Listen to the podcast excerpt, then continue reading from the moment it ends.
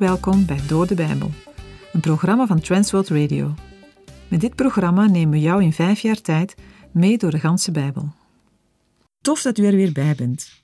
Vandaag luisteren we naar uitzending 517.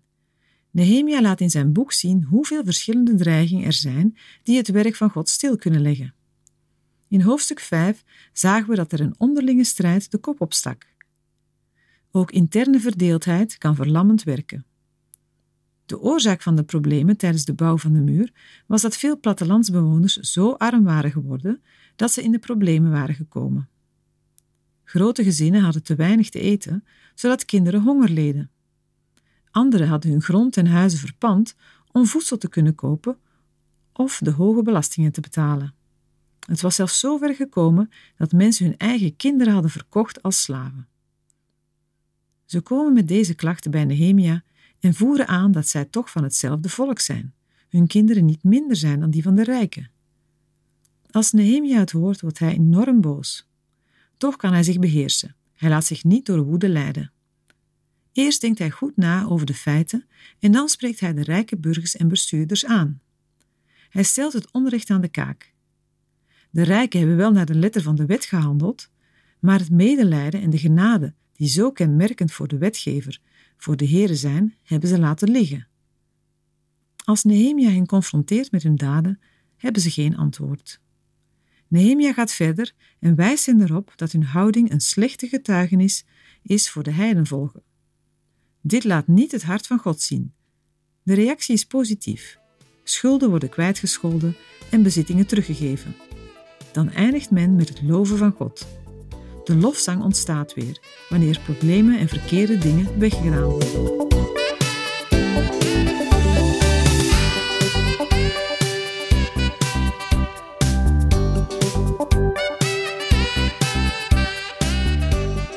In het vorige hoofdstuk hoorden we niets van de vijand. Nehemia was er druk bezig met ongeregeldheden onder het volk. Als er onrust is onder Gods volk, dan moet de vijand zich niet inspannen. Maar Nehemia heeft de onrust weggenomen en gaat nu weer verder met de bouw. Dan laat ook de vijand weer van zich horen. Nehemia zelf is nu het doelwit van hun vijandschap. Ze weten dat als hij wordt uitgeschakeld, het met het werk gedaan is. Maar uit het voorgaande is al gebleken dat Nehemia zowel de gevaren van buitenaf of van binnenuit het hoofd weet te bieden door gebed, geestelijke bemoedigingen en praktische maatregelen. Hetzelfde lezen we trouwens ook van de apostel Paulus en van David. In het Bijbelboek Hebreeën worden de volgelingen van Christus opgeroepen in moeitevolle omstandigheden te volharden en te zien op Hem die zoveel heeft doorstaan, zodat een gelovige niet verzwakt of onverschillig wordt. In Nehemia 6 gaan we nu lezen hoe het werk aan de muur van Jeruzalem, ondanks vijandigheid van buitenaf, wordt afgemaakt. Nehemia 6, versen 1 en 2. Het gebeurde toen Sanballat, Tobia en Gesem, de Arabier, en onze overige vijanden ter oren kwam dat ik de muur herbouwd had en dat daarin geen bres was overgebleven. Tot die tijd had ik evenwel nog geen deuren in de poorten geplaatst. Dat Sanballat en Gesem boden naar mij stuurden om te zeggen: Kom, laten we elkaar ontmoeten in Kefirim, in het dal Ono. Zij dachten mij echter kwaad te doen. Als Sanballat, Tobia, Gesem en de andere vijanden niet in staat zijn de bouw van de muur tegen te houden door spot en openlijk geweld, proberen ze het op een meer verdoken manier. Het gebeurt als de brassen gedicht zijn, maar er nog geen poortdeuren geplaatst zijn. In Nehemia 4, vers 6 is de muur dicht en klaar tot de helft van zijn oorspronkelijke hoogte. In het overzicht van Nehemia 3 is sprake van het plaatsen van deuren, maar zover is het hier nog niet. Daardoor is de stad nog onvoldoende beschermd tegen aanvallen van buitenaf. Pas in Nehemia 6, versen 15 en 16 wordt vermeld dat de muur klaar is. In Nehemia 7 wordt vermeld dat Nehemia de poorten laat aanbrengen. Ik zei het al, de vijanden gaan over op een andere tactiek. Nehemia wordt uitgenodigd voor een ontmoeting in een van de dorpen in het dal Ono. Het is een dal zo'n 30 kilometer ten noordwesten van Jeruzalem.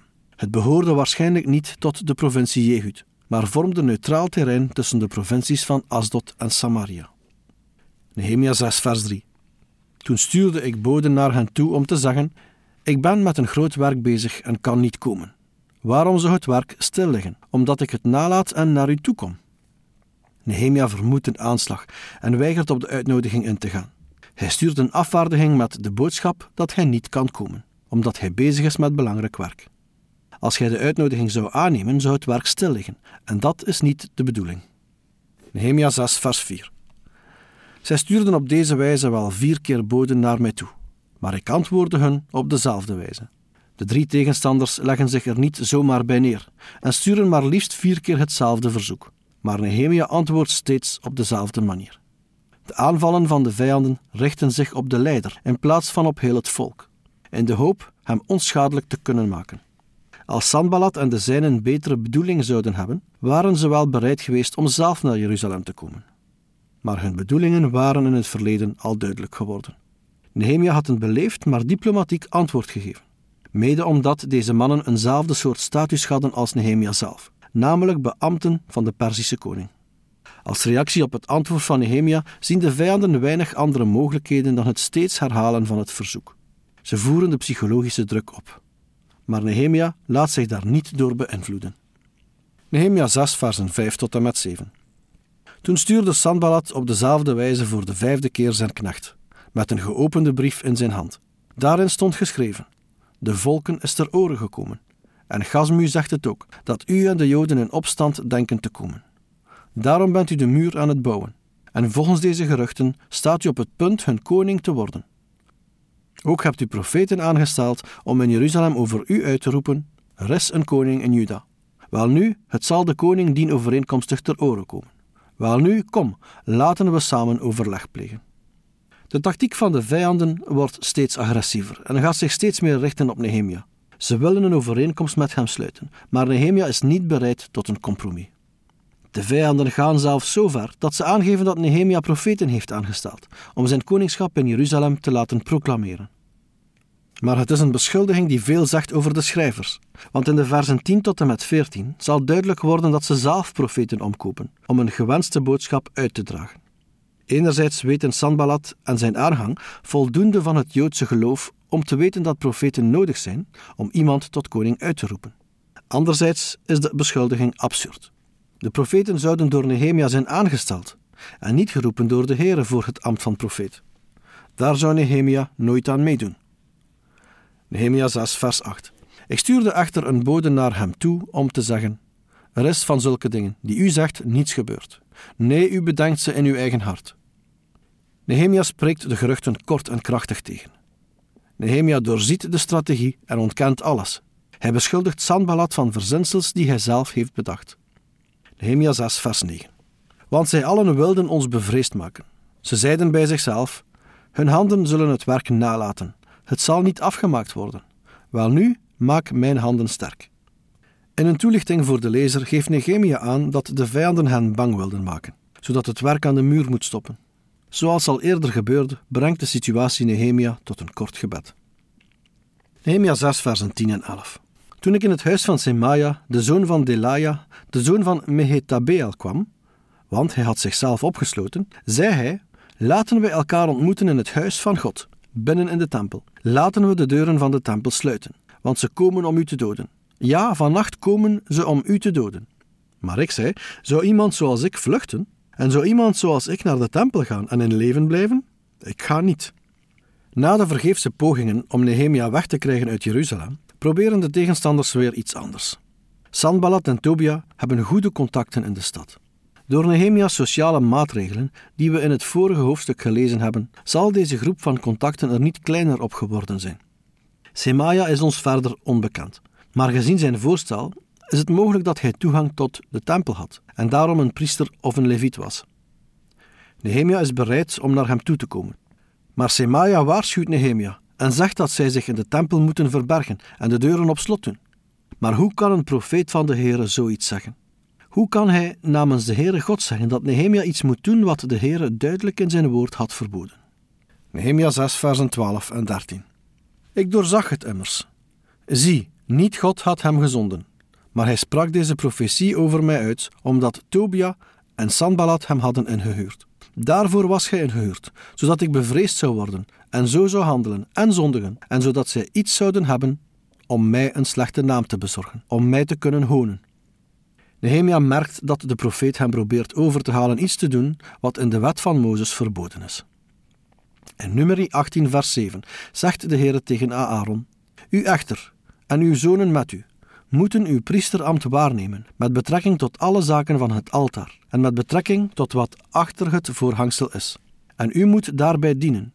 Uw priesterambt geef ik u, als een dienst, een geschenk.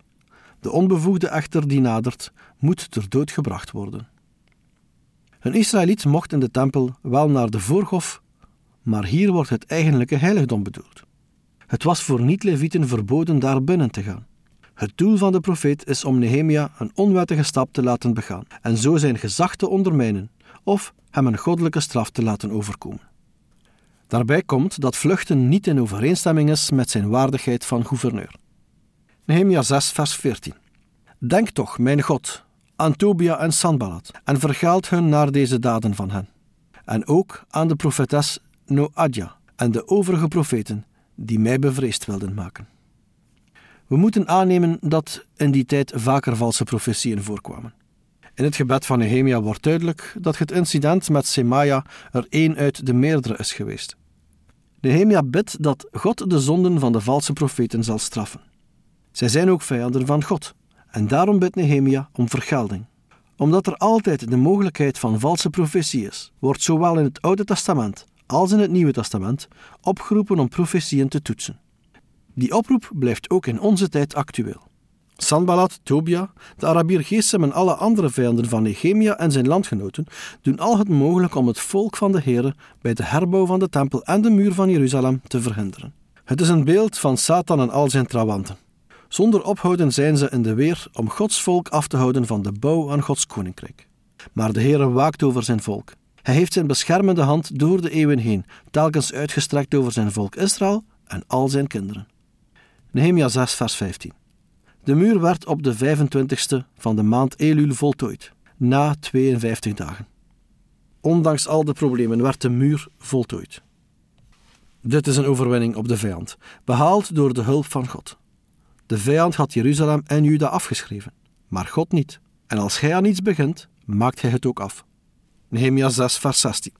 En het gebeurde toen al onze vijanden het hoorden, dat alle heidenvolken rondom bevreesd voor ons werden en in hun eigen ogen zeer in achting daalden, want zij wisten dat dit werk van onze God uitgedaan was.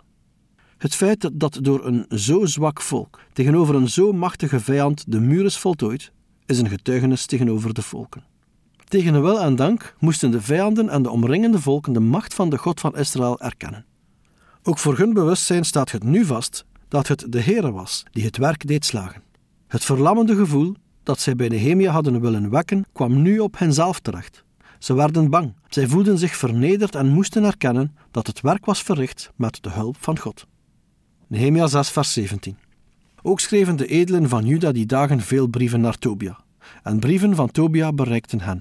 Tot slot wil Nehemia nog even belichten van welke aard de tegenstand is die hij uit de kring van zijn eigen volk ondervond, en daarom vermeldt hij hier de relaties van Tobia.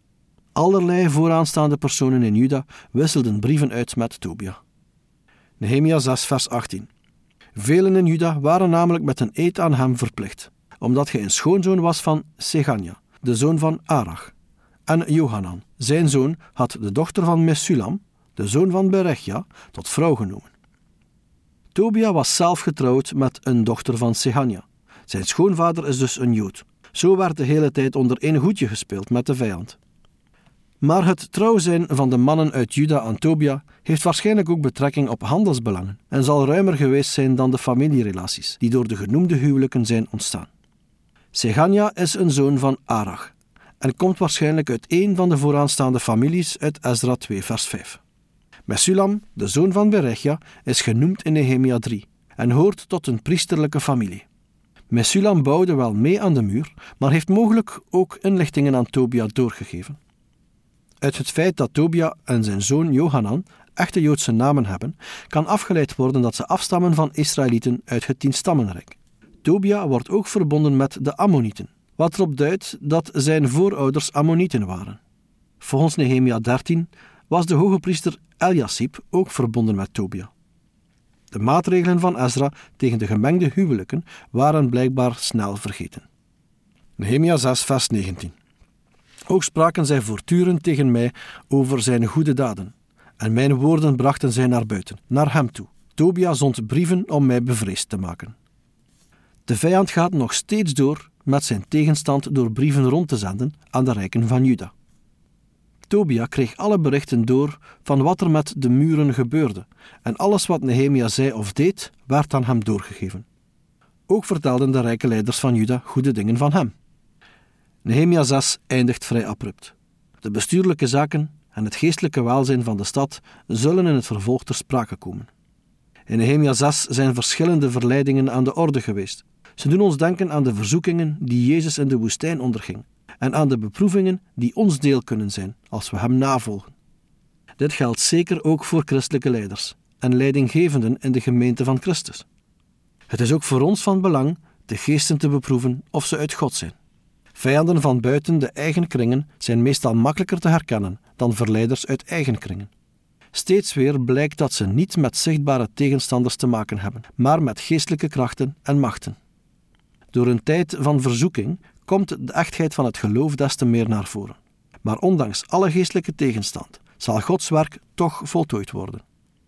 In 1 Petrus 1, versen 3 tot en met 5 staat: Geprezen zij de God en Vader van onze Heer Jezus Christus, die ons, overeenkomstig zijn grote barmhartigheid, opnieuw geboren deed worden tot een levende hoop door de opstanding van Jezus Christus uit de doden tot een onvergankelijke, onbevlekte en onverwelgbare erfenis, die in de hemelen bewaard wordt voor u.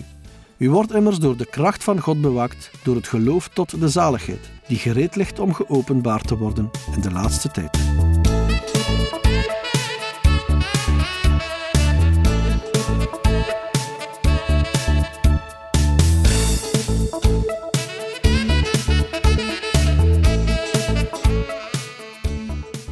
U heeft geluisterd naar Door de Bijbel, een programma waarin we in vijf jaar tijd de ganse Bijbel bespreken.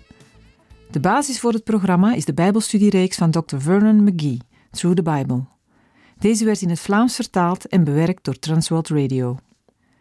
U kan elke werkdag naar een nieuwe uitzending luisteren en u kan ook steeds voorbije uitzendingen opnieuw beluisteren of downloaden. Als u wilt reageren op deze uitzending of u heeft vragen, dan kunt u uiteraard contact met ons opnemen. U kan een e-mail sturen naar doordebijbel.twr.be. Verder kan u op onze site terecht, www.twr.be, voor meer info en het beluisteren van onze overige programma's. Dit programma werd gepresenteerd door Patrick Couchement en Anne Notenboom. Wij danken u voor het luisteren en graag tot een volgende keer.